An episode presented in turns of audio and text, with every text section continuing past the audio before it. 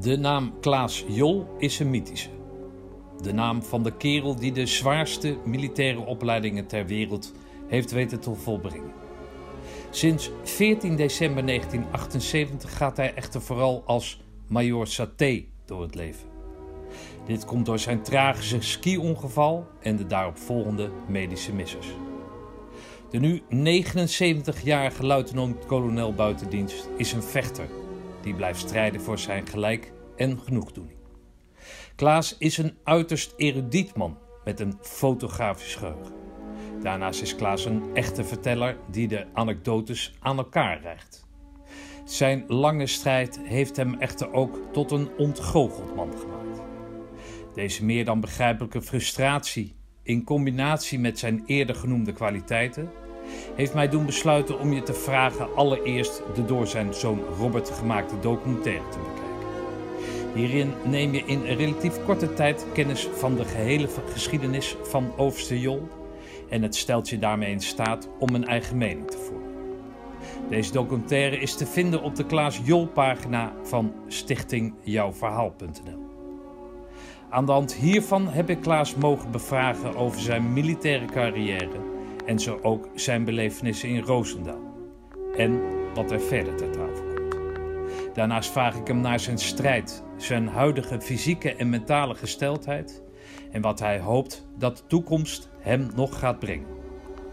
ECO lichting 63.6. Vandaag in de Mutstas podcast het levensverhaal van marinier commando, luitenant-kolonel buitendienst, Klaas Jol.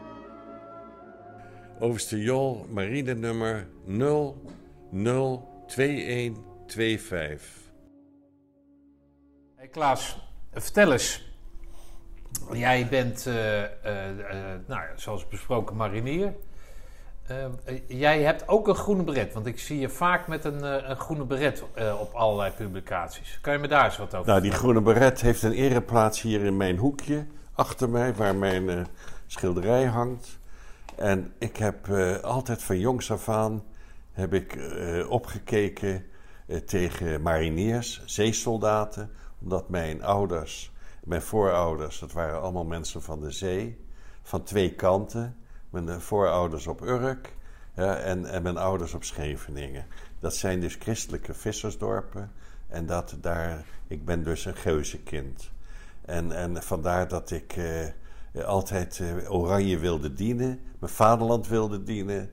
En toen ik op een gegeven moment van de HBS afkwam, net 18 jaar geworden op 29 mei 1960, toen uh, wilde ik, heb ik wel eens over nagedacht om te gaan studeren. Maar mijn vader zei, ben jij besodemiet, daar heb ik geen geld voor. Jij gaat, uh, je moet toch je dienstplicht vervullen. Ga maar eerst je dienstplicht vervullen. Maar ik was natuurlijk nog een beetje te jong. Uh, en ja, zo'n uh, opleiding voor sport, sportleraar, ook in Den Haag. Maar je wilde graag sportleraar worden? Ja, dat was eigenlijk de bedoeling. Ja, okay. Maar ik was, ik was wel, laten we zeggen, harmonisch van armen, benen en licht. Maar ik kon nou niet op mijn handen lopen zoals mijn oudere broer. Die liep zo naar school op zijn handen. En de trap op. Ik was, ik was een loper. Ik was, een, een, een, ik was ook niet een zwemmer. Ik was een loper. En ik kon, met gewichten kon ik alles. Dus ik dacht, nou, uh, het, uh, ik ga bij de mariniers. En wat is dan de beste opleiding op je achttiende jaar? Dat is de beste opleiding die ik uh, voor mezelf had voorzien. En dat was het Kookinstituut voor de Marine. Wat? Koninklijk Instituut oh, okay. voor de Marine. Ja, oké. Okay. Dus ik ging naar Voorschoten. Kookinstituut, ja. Koninklijk. Ja, oké. Okay. En ik ging naar Voorschoten, naar de keuring. En toen uh, zeiden ze: Zo, Jol, jij bent aan de beurt. hindernisbaan. Dus toen deed ik die hindernisbaan. en ik brak meteen het NATO-record. Okay. Over die hindernisbaan daar in die marine opkomstcentrum, dat keuringscentrum. En ik werd... Uh, ik kwam als een van de beste uit de bus. En ik kwam in een jaar van achterrecht op het Kim. En ik heb het Kim met veel genoegen gedaan. Ik zou het nooit overdoen. Want het was natuurlijk een zaaddrogerij, hè. Het heet niet voor niks het... Uh, het, het uh, heette dus die studie uh, heette het klooster. Ja, daar was, zat je naar die werkster te kijken die dan met de borst over je bureau hing. Nou, dan had je. Eh? Want, wa- waar, hoe bedoel je? Nee, we, we hadden dus. Er was geen zak te doen. Er was geen zak te doen. En je zat weken, weken binnen alleen maar studeren. Ah, oké. En, je, en mijn vader moest nog 500 piek betalen per jaar. En je kreeg dus. eh, Ondanks dat je de vlag ging dienen. Want, nou, jij moest in dienst en, en, eh, en ze, dat, in die tijd eh, kreeg je als adelborst, moest je vader zelf betalen, kreeg je 7 gulden per week uitbetaald. Zo, 7 gulden per week door een kasofficier. Is dat veel? Is dat weinig? Dat is niks, Ah. 7 gulden per week. Ja, weet ik veel. Om alles van te doen. Verder had je geen salaris. Oh, je had geen salaris? Nee, natuurlijk Oh nee, niet. je moest ook nog 500 euro betalen. Ja. Ja, oké. ja. Nee, en het tweede jaar kreeg je 9,50 en het oudste jaar kreeg je 13,50. Nou, dan kun je er een poep van laten als je met weekend mocht. Nou. En dat weekend, dat was maar eens in de zes weken. En dat was, dat is totaal eh, vergrijsd. Eh, en, en je perste door, want je wou toch officier worden. Je wou die band om je... en dan was ik 21 jaar. En, en eh, ik ben eh, natuurlijk heel goed geslaagd. En eh, er is toen wel wat gebeurd. Want ik was... Ik kreeg het kroontje. En daar mocht ik ook als compagniescommandant... bij die uitvaart van Wilhelmina dienen. Kroontje krijg je als beste, beste cadet van je jaar, toch? Ja, dat, nou, dat was ik ook. Dat, Ja. En dat was op 18 november. En eh, toen hadden we voor, het hadden we voor de kerst hadden we een examen artillerie. En daar zat ik eh, die, die, die, eh, dat Amerikaanse systeem in te vullen, ABCD.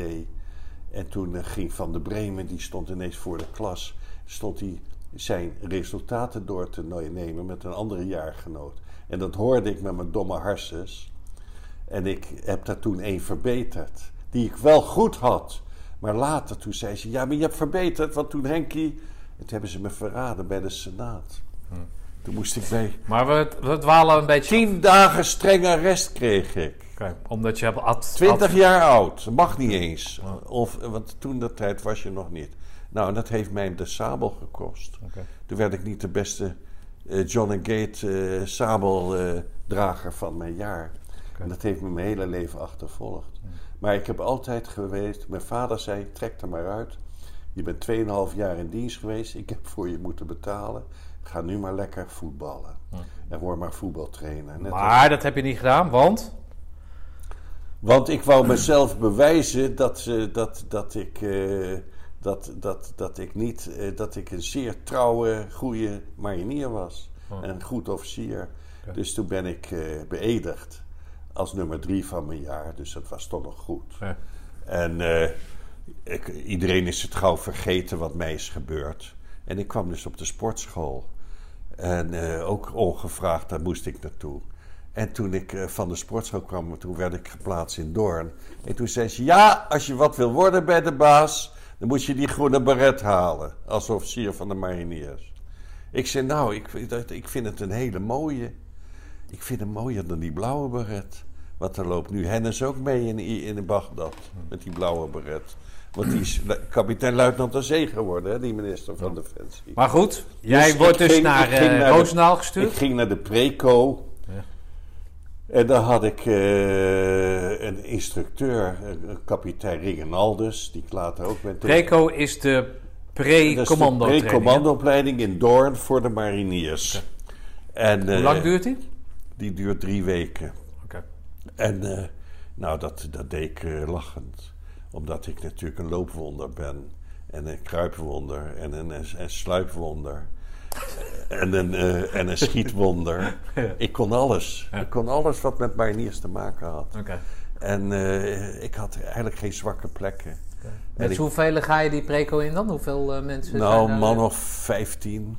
Oké, En er blijft, er- in mijn geval bleven er vier over. of vier of vijf. En met die vijf ben ik naar Roosendaal gegaan. En dan sta je daar te, te kijken als die de, voor, de vorige club binnenkomt. En dan kwam eh Spiekerman van Wezelenburg, die kwam eh, marcheren met Wie is dat? Hem af. eh, Dat is die latere generaal, dat is eh Roy Spiekerman, een Oké. ouderejaars van mij. Ja. En Van Breukelen, maar Van Breukelen, dat is ook een generaal, die is later generaal geworden. Die heeft mij altijd dwars gezeten, want die was jaloers op mij. Dat ik wel eens gezegd heb tegen hem: Ja, maar jij lag in die trailer. Want je had je middelvoetsbeentje. Jij bent niet met die eh, zware bepakking door de poort gemarcheerd. Maar jij, mocht jij lag te janken achter in die trailer. Nou, dat heeft hij me altijd kwalijk genomen. Maar heeft hij het gehaald of niet Ja, gehaald? ze hebben hem wel gegeven. oh, ze hebben het wel gegeven. Ja, omdat hij natuurlijk eh, in elkaar stuikte zo de laatste kilometer met die dingen. Ze hebben ze hem achter in die trailer gegooid. Oké. En toch gehaald. Ja. Terwijl er bijvoorbeeld Dries Knompien, die brak zijn arm bij het terugspringen. Ja, en die, die zei, ik ga niet meer. En eh, Maar goed, jij, Maar goed, dus er ik- zijn 15 man, dan blijven ik er ben vier toen van in die over. opleiding gegaan. Ja. En het was eh, ik, het slopkousje. Ik was de enige luitenant. Te midden van vaandrig, sergeanten en, en eh, mariniers. Ik had één corporaal bij me en, twee, en twee of drie gewone mariniers. En ze hebben alles gedaan om mij eruit te dumpen. Kapitein Sier, luitenant Bruins, Gerrit Ronhaar, de sergeant met die Ah, ja. grote bek, eh, Tak, Ja. pracht, prachtmens, die had geen ekel aan mij hoor. Ze hebben alles geprobeerd om mij, ook tijdens het kaderuurtje s s'avonds, hè. Maar dan kwam ik eh, helemaal eh, af, eh, uitge- uitgeleefd, kwam ik dan terug. En dan kwam ik mijn tentje binnen en dan had ik een eh, eikel. En dat heette, die heette Goose, Dick Goose. Dat was een domineeszoon. Ik heb hem nooit meer gezien. Maar die, Die lag bij jou in de tent. die, lag- dat was mijn slaapie. En Ah, die zei die... Luitenant, ik heb nog wat voor eten voor u bewaard. En dan gaf hij zo'n... Oh, prachtig. Goosje, ik ben een prachtkerel. En, die, en daar heb ik dus... En toen... De la- en eh, die sportinstructeur, die was ook gek van mij. Omdat ik met grote schoenen aan 6, 6 meter 20 ver sprong. En ik sprong 1,65 hoog met die grote nieuwe schoenen aan. Dus, en ik was natuurlijk bij, dat, bij die, eh die speedmarsen, ja, ik was... Hè? En ik moest altijd kerels meeslepen. Ja, en dan liep ik daar... Goed, hou op. Dan liep ik daar die, op, vrij, op zaterdagmorgen hè, hadden we, moesten we nog werken. Hè, of vrijdag, ik weet in, net in die periode is toen die vijfdaagse werkweek geworden. Maar dan, hadden we tijd terug? ja, dan hadden we op vrijdag hadden we dus inspectie hè, in de late middag. En toen vonden ze mijn pannetjes. Eh, werden, eh, die die, die, eh, die eh, luitenant, die, die gelijk met mijn luitenant was, die vond mijn. Want ik had natuurlijk reservepannetjes onder mijn steen gedaan, onder mijn, onder mijn eh, bed. En ik werd verraden. Haalde ik die steen eruit, haalde ik die, die eh, prachtige blinkende pannetjes tevoorschijn die ik extra had. En Maar voor de inspectie. stopte ik die zwarte erin, Ja, die ja, zwart geblakerde, weet je wel. Want ja, daar had je allemaal geen tijd voor. Nee. En toen moest ik eh, van Petter, Ja. die ken je Kapitein wel, Petter, hè? ja. Dat was, dat was mijn luitenant toen. Hij was de Had een tentkamp, hekel aan mij. tentkamp eh, Die had een hekel aan mij. Nee, die was, die was eh tentko- tent, eh, die was, die was eh, hulp, hulpje van Ah. Sier en Bruins. Ja. En ik weet nog dat die heeft, ze hebben er alles aan gedaan om mij te kraken. Maar dat is ze dus niet gelukt. En, en, eh, en in de Limburgweek, de vijfde week was dat, meen ik, hè? Zesde week. Vijfde, ja, zesde Ja. week volgens mij. Nou, en dan moesten we dus uh. Nou, dat was prachtig. Vond ik hartstikke leuk. En dan Petter mij mee, want die wilde mij kwijt. En dan moest ik daar eh, die op en neer naar de, de geul, weet je wel. Ja, ja ik heb de Limburgweek niet gedaan hoor. Dus Net, en, en ik had dus een, een ik had toen eh, een sergeant bijgekregen als, als eh, want de, de hulp eh, verdween en die moesten toch ergens ingedeeld worden. En ik ben even zijn naam kwijt, maar die, die zei dat, hij zei, wat ze met jou uithalen, luid, dat is toch ongelooflijk, hè? Ik zei, ja, maar joh, het is, eh, eh, vol, over twee weken is het, de laatste week, we persen gewoon door. En En toen was dus de, de, de laatste week, de afmatting. En toen liepen we bij, bij, bij eh, hoe heet het, eh, bij eh, Gorkum. Ja. En toen zeg ik, Goosse, waar ben je? En toen zat hij langs de kant met zijn schoenen uitgetrokken. Dat hij geen vlees, geen vel meer op zijn poten. Zeg. Ach jeetje. Hè, heeft hij, heeft, is hij uitgevallen of is hij doorgegaan? uitgevallen. Ach jee joh. Ja, hij had geen vlees meer, geen vel meer op zijn poten, joh. Helemaal Ah, oké. rood, bloed. Hij zei, ik moet u verlaten. En ik zou zo graag eh, hem nog een keer terug willen zien. Vraag hoe het met die vent is. Ik heb het wel eens geprobeerd. Dick Goosen heette die. Hm. 64, een prachtvent. Om hem te bedanken dat hij eh, altijd een broodje... Maar goed, we gingen dus... Om eh, altijd te bedanken omdat hij altijd eten voor je ja, achterhield. toen werden we in een vliegtuig geladen. En toen werden we dus op Leeuwarden eruit gegooid. Dan moesten we lopen. En ik weet nog dat we liepen. Dat was de afmatting van Leeuwarden naar eh, Roosendaal. Nou, we in, eerst eh, vanaf Roosendaal naar Gorkum en zo. Ja. En dan, was daar, en dan werden we daar, eh, ik weet niet precies waar. Want, het, eh, want je had allerlei hindernisbanen er nog bij. En het was echt pittig als, als hel. En ik weet dat we nog geland zijn, geblinddoekt. En dan werden we eruit gegooid. En toen moesten we dus naar Lemmer lopen. En over die dijk, dijk naar Urk. Oké. Dat was zo mooi. Hey. Daar kom je voorouders Ja, en toen zaten we daar in die haven van Urk, waar ik als kind altijd in de oorlog had gezeten. En daarna bij opa. En dan zaten we gewoon aan de haven en dan kreeg je drie broodrammen en die legde je gewoon op de stenen. En dan, dan smeerde je, ja, en dan zat je ze op te vreten. En, eh, nou, en dan dus die, die laatste, eh, hoe heet het, eh, mars met, met die, met die, hoe noem je die? Die, ja, en dan de kazerne in. En dan die, eh die beretuitreiking. Ja, dat was natuurlijk fantastisch. Hm. Maar het gekke is...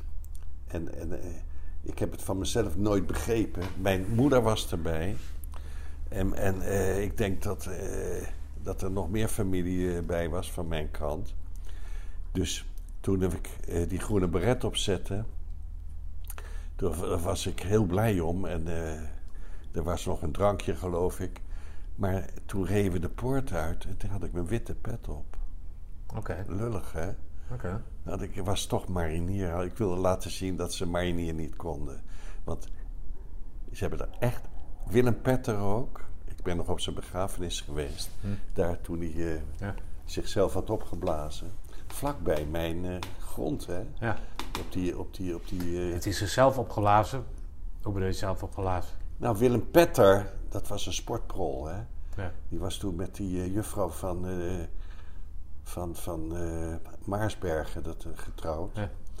En hij is toen vader geworden.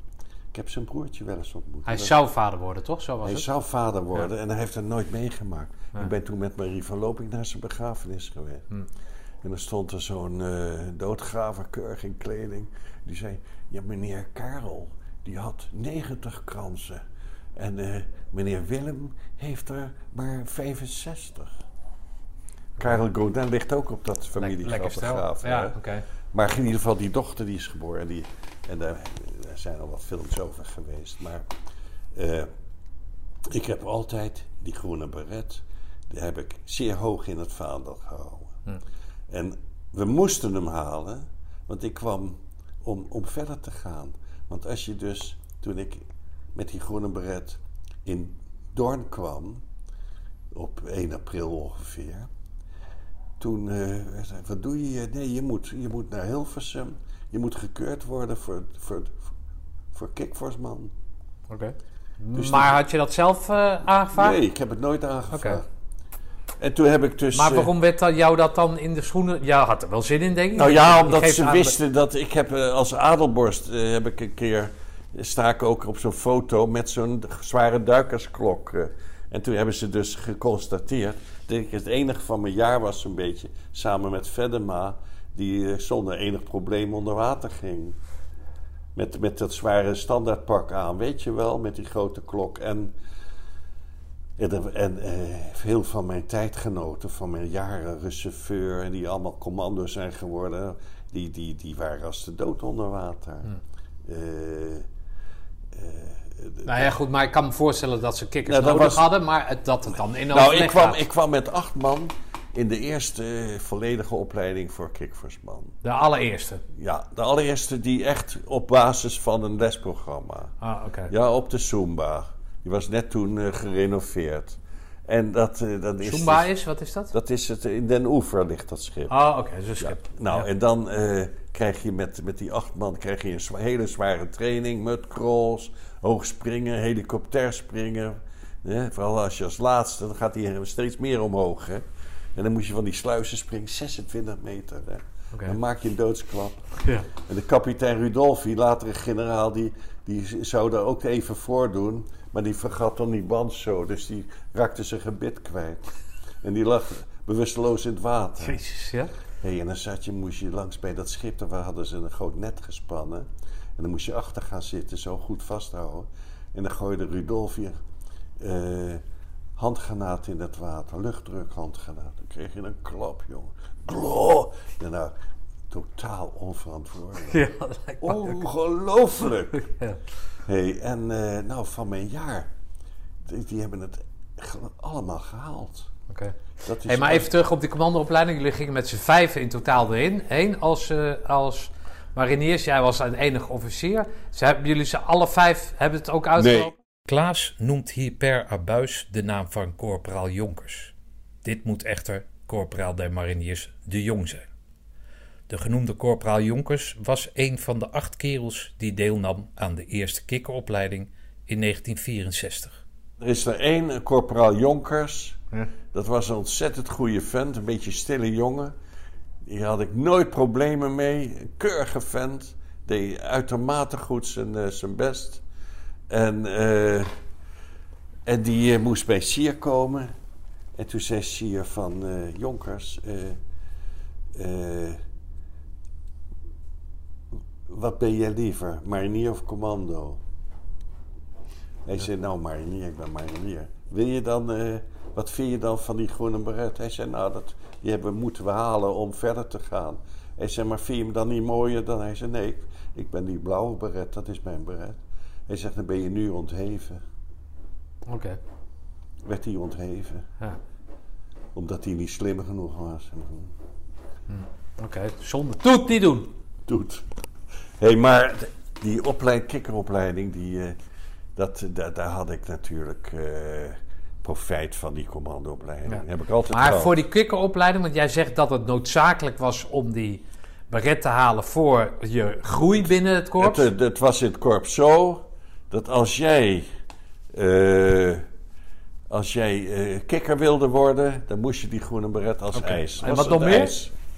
Nou, als je dus toen later eh, para, Oké. moest je ook, nou, daar, deden En als je voor. dat dus- we deden, als je het dan- voor, we deden het voor die parawing. Ja, en die kregen we pas in 68. Oké, maar dus als je geen eh, groene beret had, dan mocht je niet meedoen aan de para en zowel Nee, para als nee, kikkeropleiding. Nee, dan Ja, mocht je je burgerwingetje proberen te halen op Texel. Hè? Oké. Bij Rinks of bij. eh, en, eh, en voor de kikkeropleiding eh, was dat heel belangrijk. Want ik was, werd dus kikker. En dan kregen die mariniers een ding op te. Maar ik kreeg helemaal niks. Ik moest dan instructeur kikversman worden. Dan kreeg je er een ster bovenop je uniform. Maar ik kreeg niks. En dan werd je officier kikversman na negen maanden opleiding. Oké. Met, dan kreeg je al die medische theorie daarbij.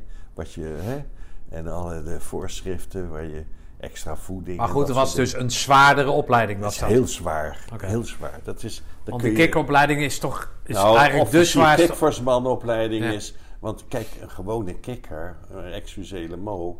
die hoeft natuurlijk niet alles van eh, lucht- en viseem... en eh, over eh, strandverkenningen... De, al die theorieën die ik later bij die Amerikanen heb geleerd. Hmm. Samen met onderzeeboten. Want toen ik dus in december klaar was... Met die kikkeropleiding. Met die officier kikversmanopleiding dacht ik, nou, ik, ik eh, word in de vaste kikkerploeg. Ik ga hier eh, opvolger worden van eh, Rudolfi, die, die kapitein. Ja. En ik was, ik was nog tweede luitenant. En toen, moest ik, toen zag ik dat er een groep werd samengesteld voor Amerika. En die zouden naar de US Navy SEALs gaan. Een man of tien. En die gingen hardlopen en er zat één officier bij. En die, eh, en die kwam eh, na een paar minuten weer terugwandelen. En die zei van, nou, aan ik ga niet naar Amerika, aan mij niet gezien. En toen, eh, toen keek Rudolfi om zich heen zo. En hij zei, ja, er is er maar één die, die dat dan... Dat, dat, ben jij. Toen moest ik met een paar kikkers moest ik naar de ambassade. En toen moest ik eh, ze examen afnemen in het Engels als officier. En toen heb ik er drie meegenomen: Schreuders, eh, Groeneveld en Tonnon. Zijn alle... En toen gingen jullie daar naar die Navy opleiding in ging- Amerika. Toen gingen we, nee, toen werden we geplaatst eh, eind december 64 in Little Creek. En eh, dat is in West Virginia bij Norfolk.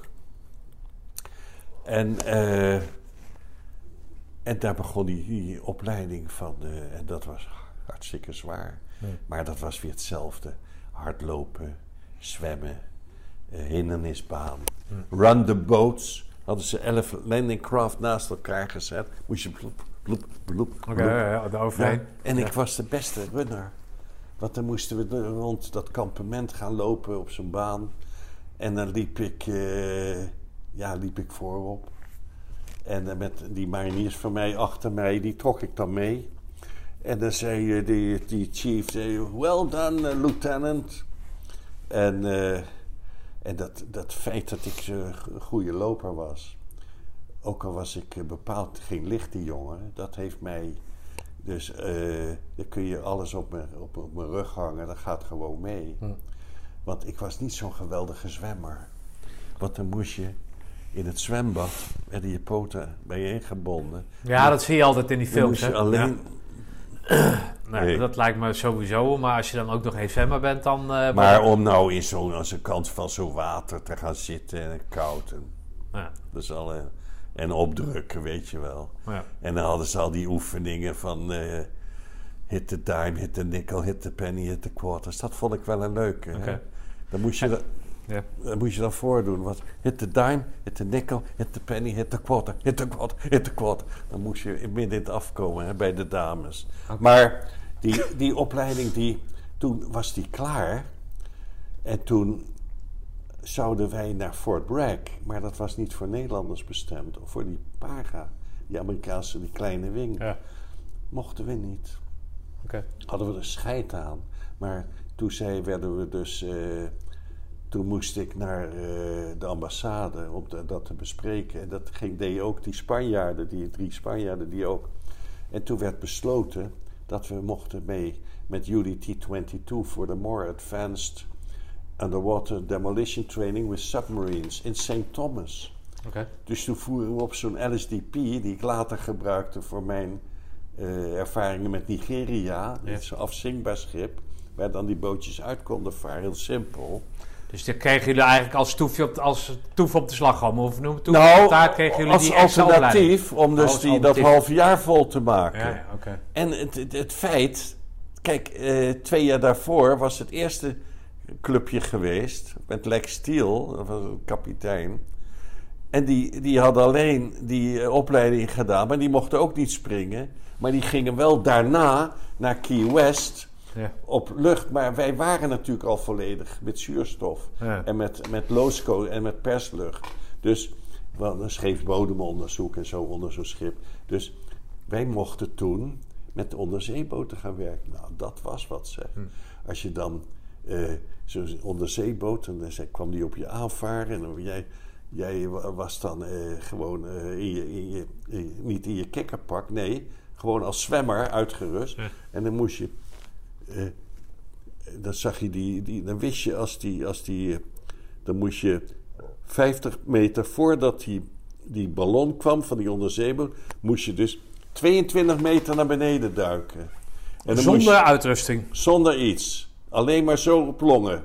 En dan moest je dus dat hatch, die hatch open doen. Ja, en dan kon je naar binnen. Samen met je buddy. 22 meter? Ja, dat, zo diep eh, lag die onderzeeboot. Met die, met die periscoop zo. Ja? Die kwam net boven water. En dan moest je zo diep zwemmen. En, en, en later, bij de, toen uh, in die opleiding, moesten we dus uh, fully submerged drie dagen op zo'n onderzeeboot zitten. Dan gingen we de eerste nacht, gingen we dus die strandenverkenningen. Dan hadden ze van die scullies geplaatst. Die Japanese scullies met die punt waar die, die boten ja, ja. tegenaan liepen. Die moest je dan gaan verkennen. En dan kwam je de dag daarna bij nacht. Kwam je weer terug met uh, ongeveer 14 man. Zeven buddyparen. En dan werd je... Maar weet je hoe dat ging? Dan moest je weer buiten op die onderzeeboot gaan zitten. Ja, en dan kreeg je van binnenuit op die toren... kreeg je dan een ding in je mond. Want je moest lucht sparen totdat iedereen via die escape hatches. Ja, ja. En dan zat je daar met 14 man. Okay. En dan ging je tekenen en dan, dan ging je naar het strand toe op, op, op, op koers. En dan, als je dan bij het beginpunt kwam, dan zei dus die OBL, nou dat was ik, van oké, beginnen hier. Eerste paar 50 meter die, tweede paar en zo vervolgens. En als je dat dan verkend had en alles opgeschreven had, op je plankje, wat je voor je borst had, dan kwamen ze weer terug. En dan moest je uit elkaar gaan zitten aan een lange lijn. Hm. En dan de mensen aan die lange lijn die begonnen dan op zijn dinges te plaatsen. kwam die onderzeeboot weer in de verte aan met die periscoop. En die pakte hij dan precies die lijn rond die toren. En dan werd je zo weer. En dan moest je weer, weer op die onderzeeboot gaan zitten. Ah, okay. Dan deed je die dingen weer in. Nou, dat was wat zeg. Dan kan wel natuurlijk alles fout gaan. Hè? Ja. En die opleiding heb ik afgemaakt. Maar dat, die opleiding dus, hè, als Navy en dan dat... dat kon je alleen maar doen als je de groene beret had. Oké, maar het doel was om jullie daar de, zo te verrijken met kennis... dat jullie dat zouden kunnen overbrengen in Nederland op andere mariniers. Op, ja, op strand, ja, op kikkers. Op kikkers? Alleen op kikkers. Oké. En ik was de enige uh, demolition officier die dus toen ik terugkwam in 65 in juli, die dus uh, werd gevraagd of om die korpsfilm van 65, 300 jaar bestaan, moest ik mee uh, vanuit Doorn, dan kreeg je het verkenningspeloton. Ja. ja. dat was de crème de la crème van de QPO-compagnie. En dan moest ik op Tessen naar Tessel, want dan zou de, de QPO voor die filmopname. En dan moest ik op het strand en in het water moest ik allemaal ladingen aanbrengen. En op het ook. Uh, en, en, dan zat ik achter het duin met mijn ontstekingsmachines. En dan had ik overal ballonnetjes neergelegd. En uh, met die ladingen eraan. En dan kwamen die mariniers tussen landen. En dan zat ik zo. Ja, nummer 1, boem. Nummer 5, boem. Enzovoort. En dat was, dat was natuurlijk fantastisch. Ja. En ik had toen eigenlijk, was ik de eerste die dus voor de films dit soort dingen kon doen. Hm. En, en uh, ik denk dat Hollywood om kerels zoals ik zat te springen. Had het maar gedaan, had het maar gedaan. Nou nee, maar ik, ik, ik had uh, gauw heimwee naar mijn moeder. Oké. Ik moest, uh, want, maar toen ben ik in begin 66, toen ben ik nog naar die bokswedstrijd in Oorschot gegaan. Omdat Frank van Kappen had me opgegeven. En toen kwam ik terug en toen hoorde ik van... je moet uh, volgende week naar de West. Hm. En toen ging ik voor anderhalf jaar naar de West. En toen kreeg ik daar het verkenningspeloton met de duikers. En dan Ja. moest ik eh, naar Sint Maarten... eh, met, met, die marine, met dit verkenningspeloton. Want toen zou Che Guevara, die zou Sint Maarten een, een, een, een eh, luchthaven willen veroveren. Als springplank voor Zuid-Amerika, weet je wel. Met, Dat was de Cubaanse kwestie. Oké. Dus toen gingen we daar dat allemaal verkennen. En toen eh, hebben we nog een voetbalwedstrijd eh, gehad tegen Sint-Philipsburg. Zo heet de hoofdstad van Sint. Maarten. En toen kwam ik met de bal kwam ik aan mijn poot. kwam ik op dat doel aanstormen. En toen stonden er twee van die grote zwarte krijgers. En ik liep helemaal klem. En ik schijn twee meter door de lucht te zijn gegaan. Ik ben op mijn hoofd gewandeld. Toen heb ik drie dagen bloed gespuwd. Hey, en toen ben ik weer gaan duiken. toen ben ik weer gaan duiken.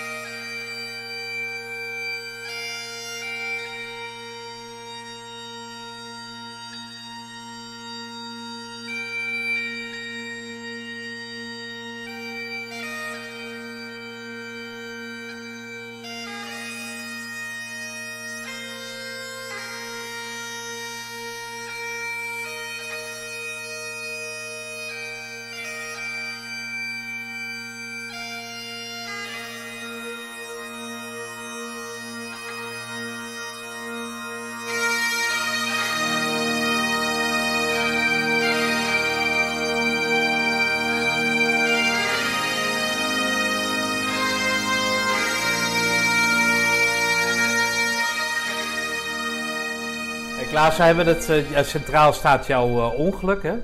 Dit is voor jouw ongeluk in Noorwegen, toch? Deze, deze periode? Nou, kijk, dat, ik heb het nu over eh, tot en met 67. kom ik uit de West terug. Toen moest ik eerst leraar worden op de kaderschool van de marine. Marineopkomstcentrum Hilversum. Dat is ook weer een totaal andere tak. Ja. Dat heb ik ook vier maanden gedaan. Toen ben ik in 68 op Texel geplaatst. Ja. ja. En dat heb ik een jaar gedaan en daar moest ik... Uh, daar werd ik altijd geroepen door die adjudant uh, van de politie, Gulmans. En dan zei hij van... Uh, ik was toen nog eerste luitenant. Ik ben daar kapitein geworden op 1 augustus 68. En dan zei hij... luitenant of kapitein... u heeft weer te hard gereden met uw BMW bij, door Noord-Holland. En ik heb een bekeuring. Maar als ik u af en toe mag roepen op mijnen die we gevonden hebben. Ik zeg ja hoor, adjudant. Dus elke week moest ik ergens uh, gevonden mijnen op het strand moest ik gaan uitbranden of opblazen. Ik, was... ik ruil voor die bekeuring. Nou, goede deal van ja. ja. Nou, en dat was een fantastisch jaar. Maar ik ja. werd dat jaar ook gevraagd. Uh, ben ik uh, door uh, Freek Kneets. En dan moest ik gekeurd worden voor para.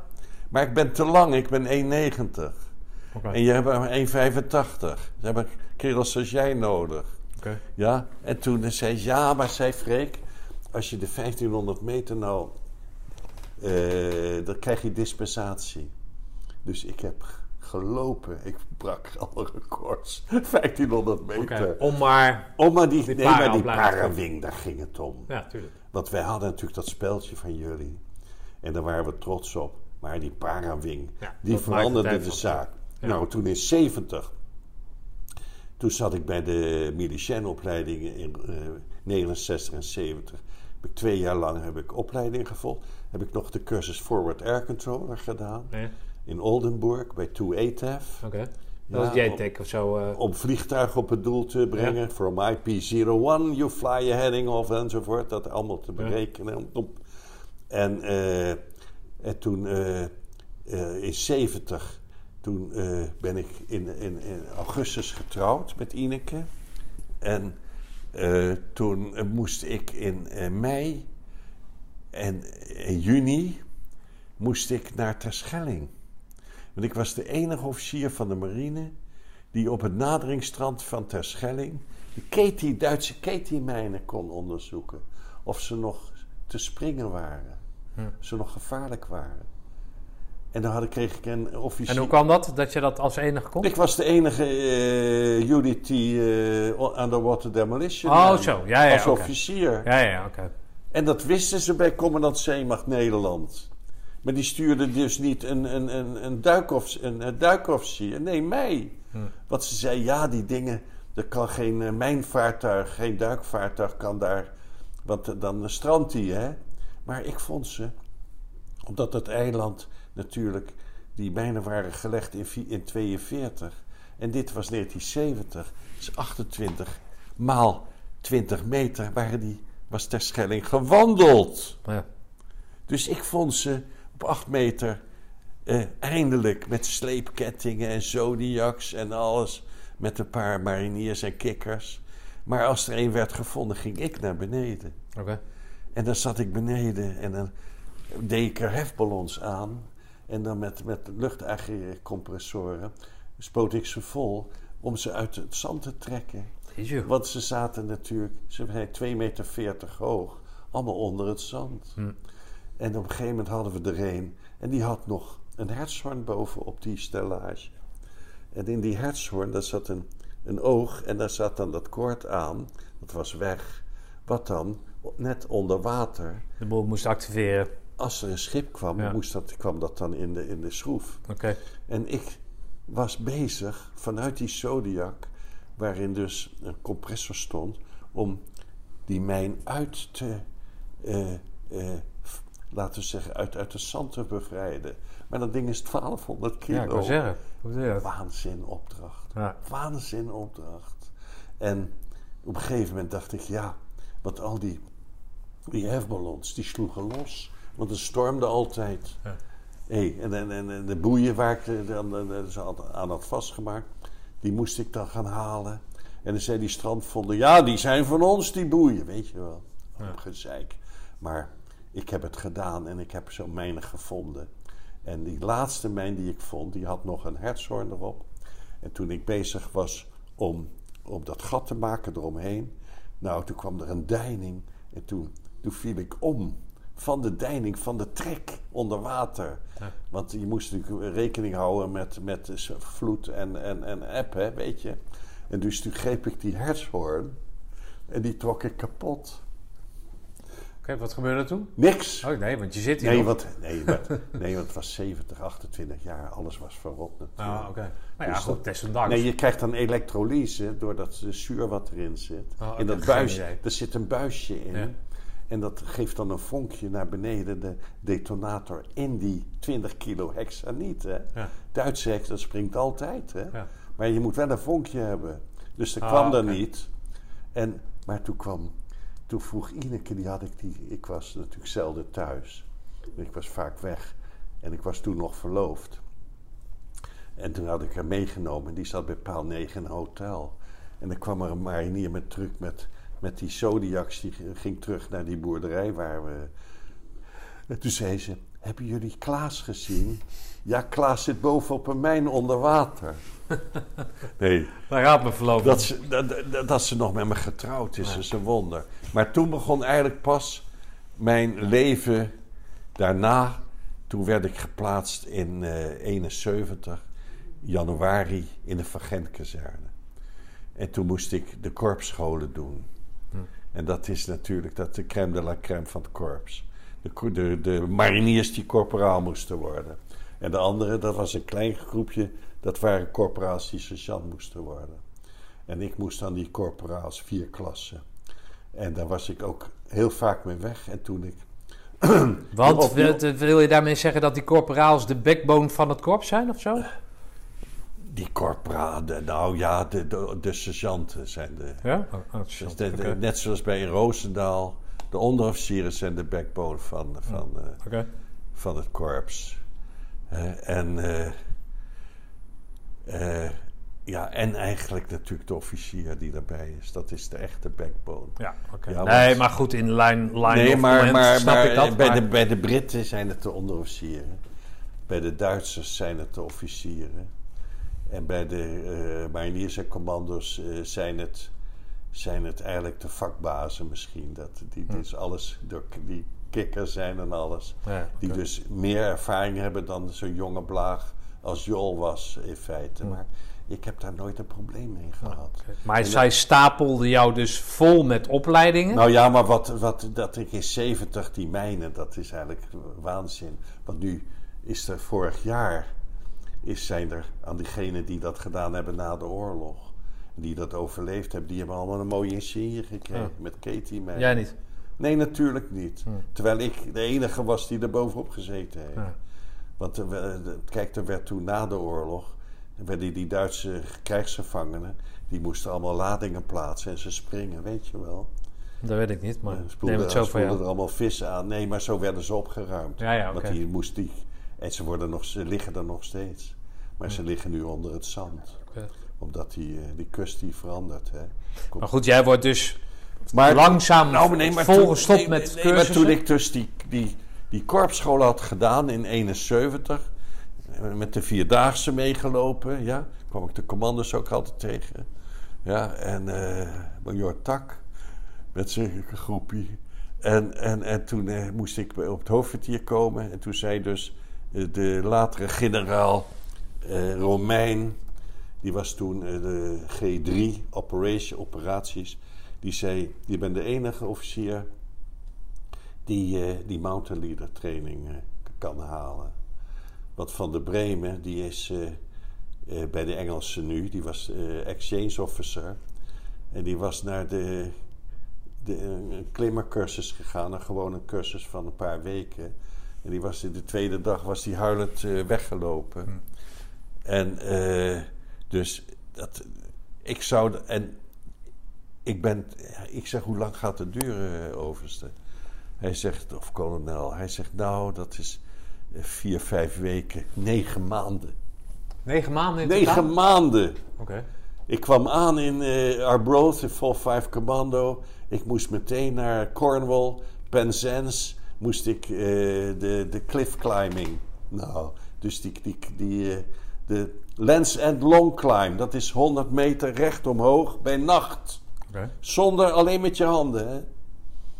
Nou, Zonder enige scholing of wat dan gewoon. nee, zonder, zonder eh, beveiliging. Ja, nee, maar ook zonder de technieken al tot je gedaan. Ja, je, je, je wordt, tuurlijk. Oh, je wist wel wat. Nou ja, ik wist natuurlijk, dat is een soort eindtraining. Dat als je dat haalde. Oh, oké, dat was de laatste dag. Oh, ik dacht dat het op de eerste dag was. Ik denk, hoe zwaar kan het nee, worden? dat- nee, maar de eerste dag moest je bijvoorbeeld naar het strand beneden. En dan moest je een meter of twintig omlaag tussen, in zo'n gully. Hm. Nou, dan moest je ook, dat was, was ook apelink. Oké. En, eh, en daarna eh, gingen we naar, naar Trimedic eh, area en naar, eh, naar, naar Wales, Snowden. En dan gingen we dus bergen klimmen. Nee, oké. Nou, en dat was echt excessively severe moest je doen. Hè? Je had een, een boek waar je alles bij, bij klims werd bijgehouden die je altijd moest doen. Nou, en, eh, en dat heb ik ook bestaan, maar vraag niet hoe hoor. Want die Engelsen, het zijn moordenaars, hè? Die vinden het heerlijk om dood te gaan als bergbeklimmer. En dan stond ik op een gegeven moment in Tremedic, moest ik nog op 200, 300 meter hoogte zo'n berg.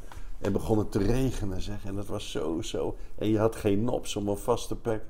En mijn eh, rechterhand, dat was ook een sergeant die ik had zelf had verkozen. Ik had er twee mee mogen nemen. En die stond aan een boompje vast. Nou, dat had ik zo meegenomen naar beneden. En sergeant weer... Captain Jol, jump! Jump! You can't make it! Jump! Nou, ik sprong niet. Dus ik ben... ge- Ik, nou, toen ben ik boven niet weer. Snel Maar- schietgebedje En daarna kreeg ik, eh, moest ik naar een eh, eh, survival training op Aarle. En dan moest je eh, drie weken lang zonder eten moest je overleven. Dan moest je gaan vissen, dan moest je eh, knolletjes vreten. En, eh, en dan moest je op een gegeven moment weet je, moest je naar boven. En dan weet je, moest je eh, met z'n allen eh, geld... En dan moest je een schaap slachten. Ja. Maar werd je achterna gezeten of, of werd je... werd- wat, wat- Nee, ze wisten waar je zat. Nee, oké, maar het was geen oefenvijand die je Nee, maar het waren schurken. Want eh, dan zat ik te vissen. Met, met, had ik een bordje gevonden en een stuk ijzer, weet je wel. En een mossel. En dan zat ik te vissen. En, en dan stond eh, ook weer die Sergeant Weir achter me. Die had een oogje op mij. En dan gooide die een, eh, reep, een, een, bar. Een chocolate bar. Ja. En dan zei ik, Sergeant, you lose something. I said, this is, has nothing to do with the training, Captain. Ik zei, well, I'm not going to take it. Hè? Mooi, hè? En, en, want ze, zijn natuurlijk schurken. hè. Engelsen zijn schurken. In de zin dat hij wilde dat jij die chocolade op... en dat je dat, dat, je dat nou niet uitgegooid later zeggen, worden. want het is toch een klootzak. Ja, oké. Maar ze kregen hem ook niet klein. En eh, daarna gingen we naar Noorwegen. Kregen van Steiner Harvik in Goedbansdalen de langlauftraining. En eh, ja, dat was... eh, als ik Dood. Als ik, als ik eenmaal op ski sta, net zoals met schaatsen, met die poten van mij, hè, dan, eh, ja, geen enkel probleem. Dan, niemand haalt me ooit in. Al gooi je 80 kilo op mijn nek. Nou, dat was het idee. Ik deed ik heel, werd ik, toen werd ik ook eh, al ski-instructeur. Daarvoor had ik nog op Rosie Roads eh, in Corn, bij Plymouth, had ik helikopter abseil dispatcher gehaald. 90 meter aan zo'n padding. Weet je wel, heb je ook gedaan, hè? Nou, 90 meter niet volgens mij. maar- 70 en 90 Ja? meter Oh, aan, aan oké. een Manila 1. Oké.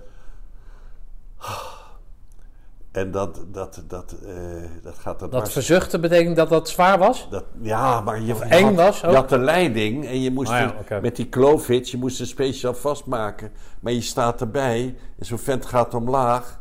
Maar als, die, als je in de jungle, dan heb je messen, moet je gewoon door als, als, als dat, dat, dat touw eh, vastpakt aan een boom. Ja, oké, want die zit natuurlijk aan die helikopter vast. Ja. En je weet, er is wel eens een ongeluk geweest met, met dat bij een eh, grote...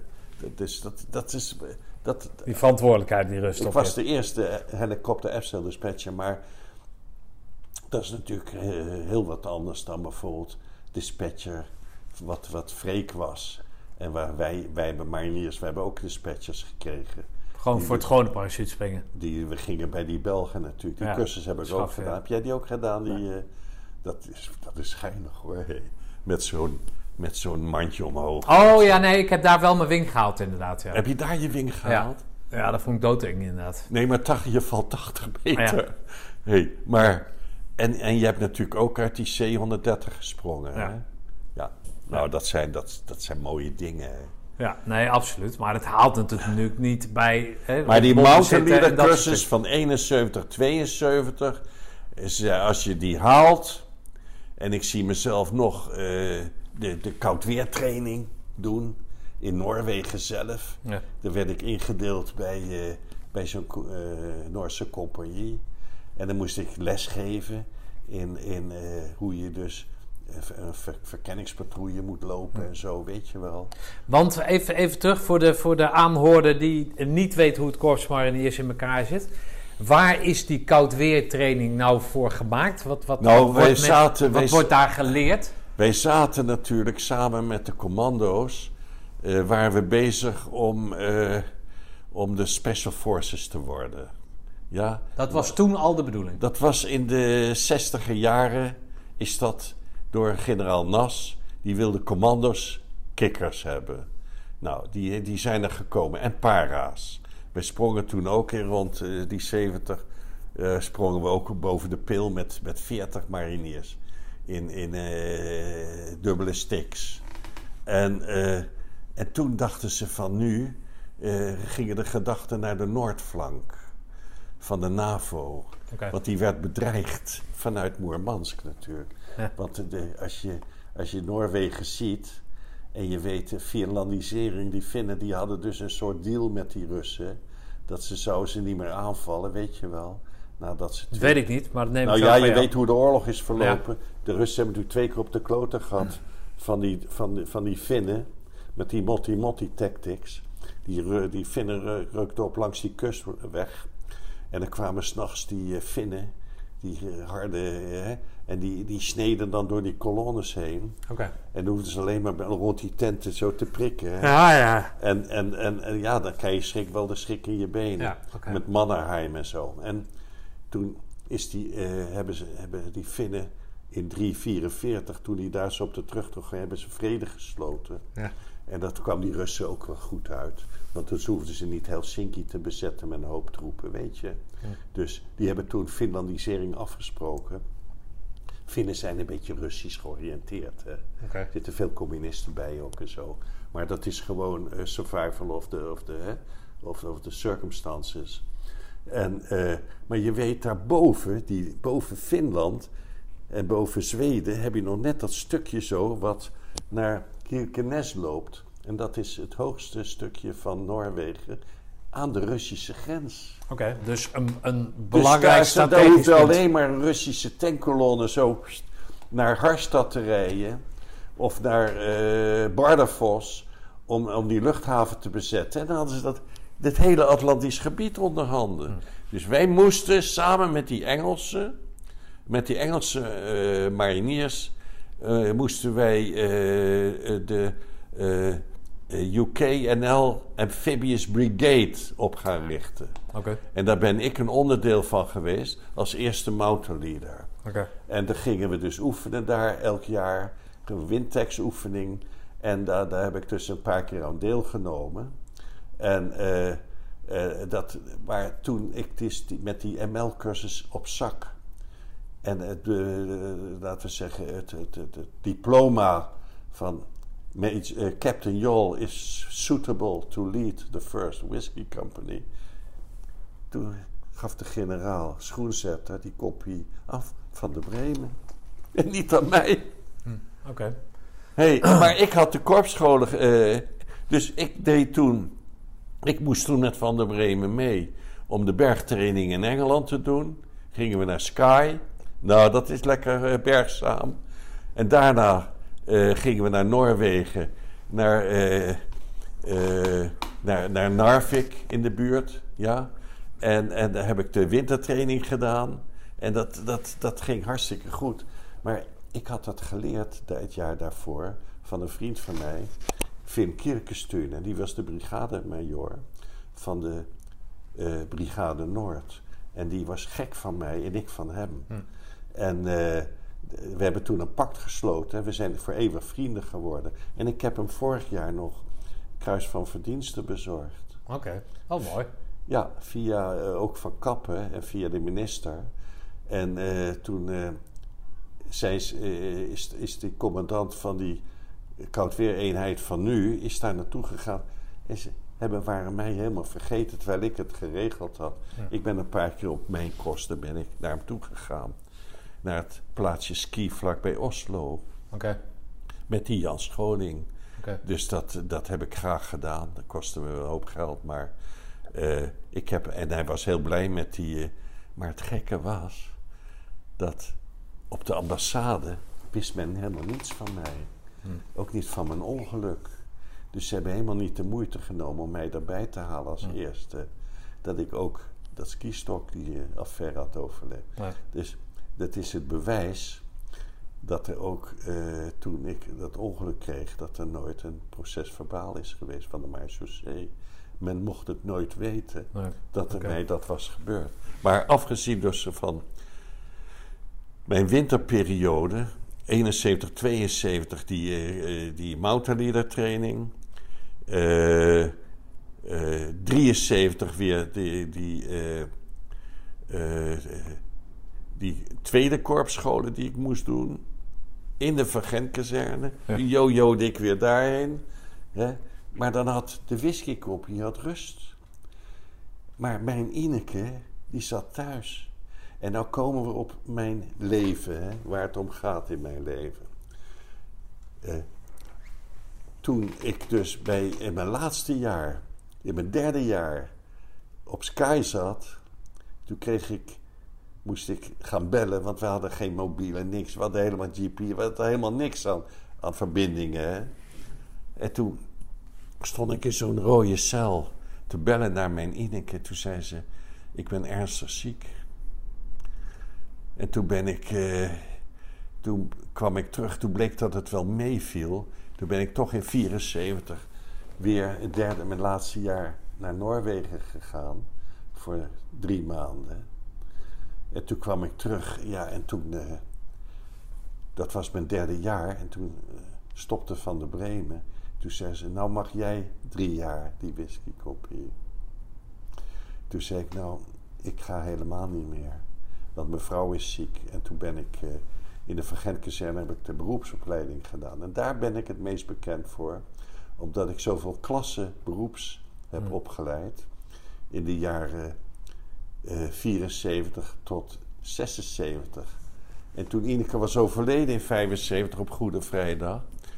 Toen eh, heb ik haar opgehaald op, eh, op, op, op eh, Witte Donderdag.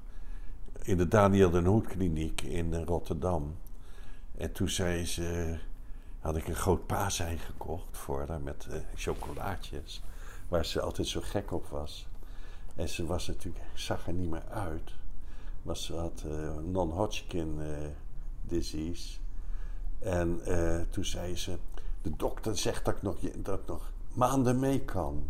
Hm. Dus heb ik haar thuis gebracht in Krimpen. En toen, die avond, kon ze niet slapen. En toen begon ze over te geven. En toen was het twaalf uur, toen zei ze... ik wil terug naar het ziekenhuis. Want ik... en toen heb ik er in mijn BMW, ik had, ik reed altijd BMW... heb ik haar teruggebracht eh, naar de Dalia den Hoed. Maar dat was helemaal verlaten. Want het was natuurlijk Goede Vrijdag. Hè? Ja, ja. Iedereen was. en toen moest er een dokter van huis gehaald worden. Die was kwaad op mij, joh. Hij zei: Ziet u dan niet dat ze stervend is? Ze wilde toch thuis sterven? Ik zei: Nee, dat wist ze helemaal niet. En ik ook niet.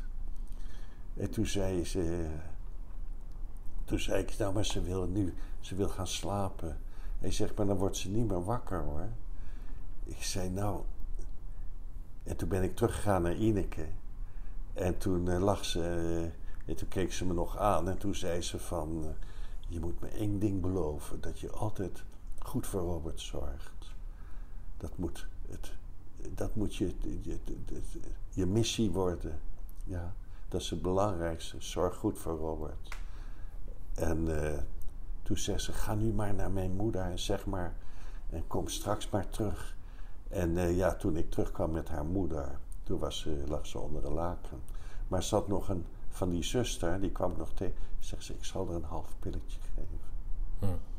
Dus zo is ze uh, overleden. En mijn missie vanaf dat moment, dat was om voor Robert te zorgen.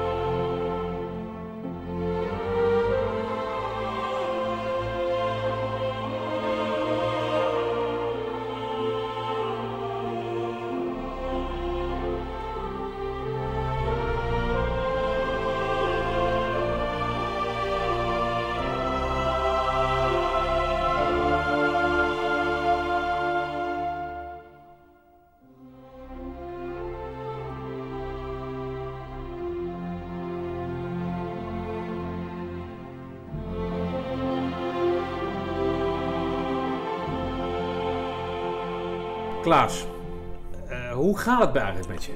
Kijk eens naar mijn gezicht. Waar zijn mijn nobele gelaatstrekken gebleven? Mijn nobele gelaatstrekken ik zie eruit, Ik zie eruit als magere hein, maar ik ben zo dik als een varken. Ja. Ik ben 151 kilo, dat komt gewoon omdat ik, ik me niet meer vrijelijk kan bewegen. Je ziet mijn benen zitten met steunkousen. Ik heb, uh, uh, die waren bevroren. En ik moet heel voorzichtig zijn. Ik moet spaarzaam met mijn krachten omspringen. Want als ik uh, ga hyperventileren, of ik, uh, dan, dan uh, krijg ik een infarct of een, of een beroerte, omdat er dan klonten, gaat mijn bloed klonteren. Want mijn longen zijn natuurlijk zwaar geblesseerd, al, al 43 jaar. Maar dat is er niet beter op geworden. En ik voel dat ik steeds minder luchtinhoud krijg. En op een gegeven moment, ja, dan heb je te weinig. Ja. En dan ik je ken jou, hè, Klaas, sorry dat ik je onderbreek. Ik ken jou van uh, de uh, sociale media. Waarin jij een, een, een verslag doet van een strijd die jij levert. Nou, de strijd is duidelijk die jij levert. Waar streef jij nog naar? Wat, wat is jouw missie binnen die, binnen die strijd? Nou, mijn missie is altijd geweest om uh, primair voor Robert te zorgen. En nu heeft hij een mooi bedrijf. En nu ben ik daar content mee. En nou uh, moet ik het nog even verleggen naar de oorsprong van mijn, uh, mijn strijd. En dat was dat ik uh, met die film bewees, de, de, de getuigen bewijzen dat ik in Noorwegen al had moeten worden afgekeurd. Met een vergoeding voor de opgelopen 100% invaliditeit en een vergoeding voor mijn verloren carrière. Want ik had natuurlijk, als ik dat ongeluk niet had gehad, was ik van, zeker van plan om een ander beroep te kiezen. En dan had ik bijvoorbeeld in de politiek kunnen gaan, waar mijn uh, aandacht lag bij uh, christelijke partijen. Want ik wilde gewoon nog wat voor mijn land doen. Maar dan niet meer met wapens, maar met mijn wapen. En dat is mijn geest. Want ik heb een, een mentale instelling die, uh, die vrij gezond is. En ik ben ook tussen bij de moslims geweest. Ik zie ook wel goede dingen van die lui. Dus ik zou bijvoorbeeld tegen een Wilders kunnen zeggen. En tegen Fleur Agema, die ik heel goed ken. En waar ik ook heel veel van verwacht. Van uh, meisje, luister eens. Uh, die moslims hebben ook wel goede dingen. Dus laten we, laat, laat, laat mij als een soort vredesapostel. Maar goed, dat is iets wat je had kunnen nog, doen. Ja. Wat, maar wat, wat is jouw strijd? Hè? Ik kan me voorstellen dat jouw strijd uh, genoegdoening is, excuses. Ja, nou, de primair is, ik zou zo graag uh, inderdaad eh, van de koning of van de regering, van de kroon, zwart op wit eh, de excuses willen krijgen. En ik hoef geen lintje meer die ik zou krijgen voor het Midden-Oosten. Ik wil gewoon eh, mijn schade vergoed zien. En zeker wat altijd va vastomstotelijk heeft eh, vastgestaan eh, voor mijn seksuele eh, dysfunctie. Dat ik nooit meer, eh, zoals ik had gewild, eh, een huwelijk kon aangaan. Ja. En want ik wilde graag nog kinderen. Dat was mijn. eh, en ik eh, vind het zo vernederend geweest dat ik al die jaren zo heb moeten uitsloven. En dat ik heb moeten vluchten eh, vier keer naar een huisje in de Ardennen. Eerst een Rukve, zonder water, zonder licht.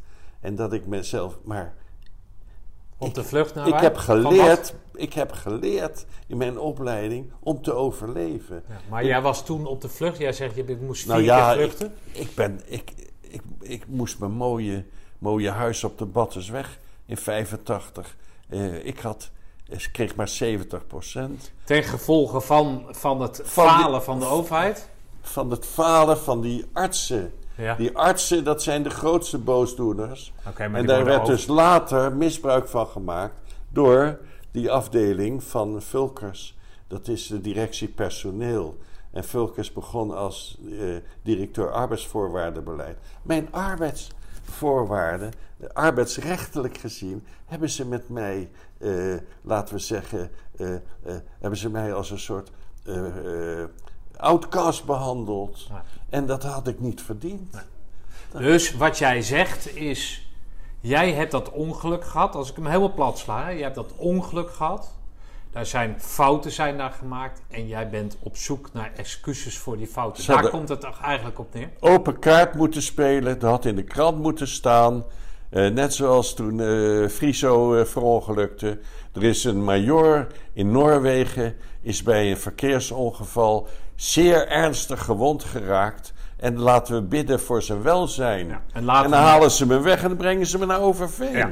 Maar Ja. laat, laat, dat, laat dat even rusten. Ik, ik snap, die, eh, snap die emotie, die snap ik. Wat ik juist zo knap vind, is dus dat je dus niet opgeeft. Hè? Dat het dus staat voor waar jij voor geboren bent. Hè? Dat is dat, dat commando marinier zijn. Die, dat ongeluk heeft een verdere mooie carrière die in het verschiet lag. Als je alles ziet wat je gedaan hebt. Als burger wilde ik doorgaan. Oké, dat is een ander verhaal. Maar als militair sowieso. Ook, hè, ook. En dan wat er daarna gebeurd was, prima. Maar daar zoek jij eh, eh, excuses voor. Wat mij zo aansprak in dat hele verhaal... Hè, we hebben het er net even over gehad... is dat het, omdat jij dus niet eh, gehoord wordt... Hè, dat je dus van links naar rechts... Nou, je probeert wat... En als het niet links kan, dan kan het rechts. Dat er mensen zijn die zeggen... Ja, Klaas, moet eens luisteren. Die huilverhalen, daar, Ja, maar niemand pikt het op. Nee, maar die halva, dat, dat weten we nou wel. Maar wat mij juist zo integreert en wat ik zo bewonder, is dat je dus gewoon niet opgeeft. Niet zegt van, Nou nou, ja, luister, de- de- of geen huilverhalen, ja, dan maar niet. Nee, je blijft doorgaan.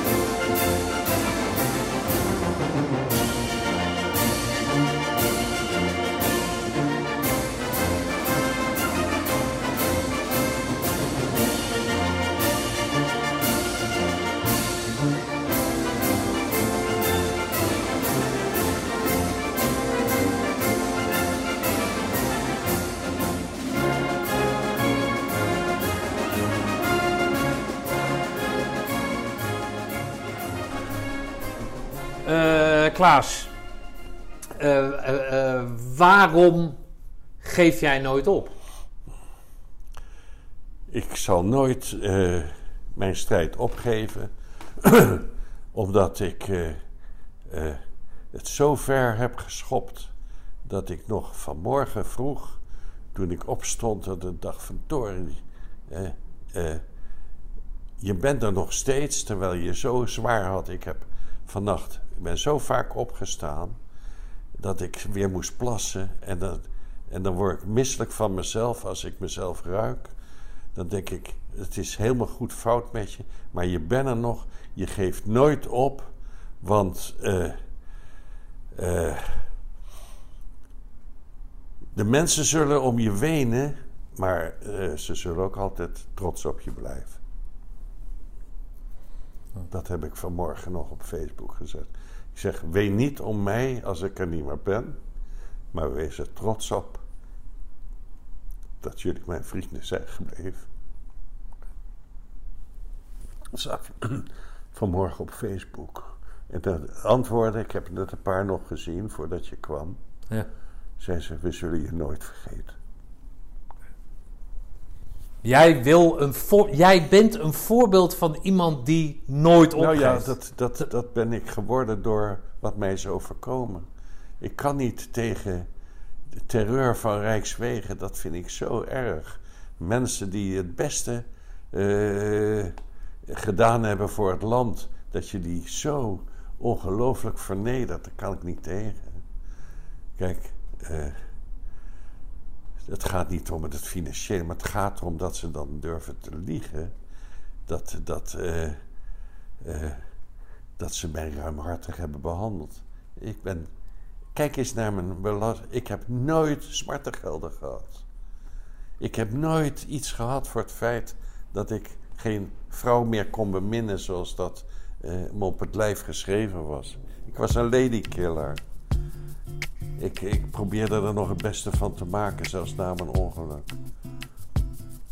En ik dacht, uh, ik, ik, ben een ongelukkig mens geworden. Dat had ik niet verdiend. Nee, absoluut niet. Uh, Klaas, absoluut niet. Beste overste Jol. Jouw niet afnemende strijdlust en het doorgaan tot het gaatje maakt van jou een voorbeeld voor mij en naar ik hoop vele anderen. Keep up the good work. Qua patet orbis en nunc caut nunc quam.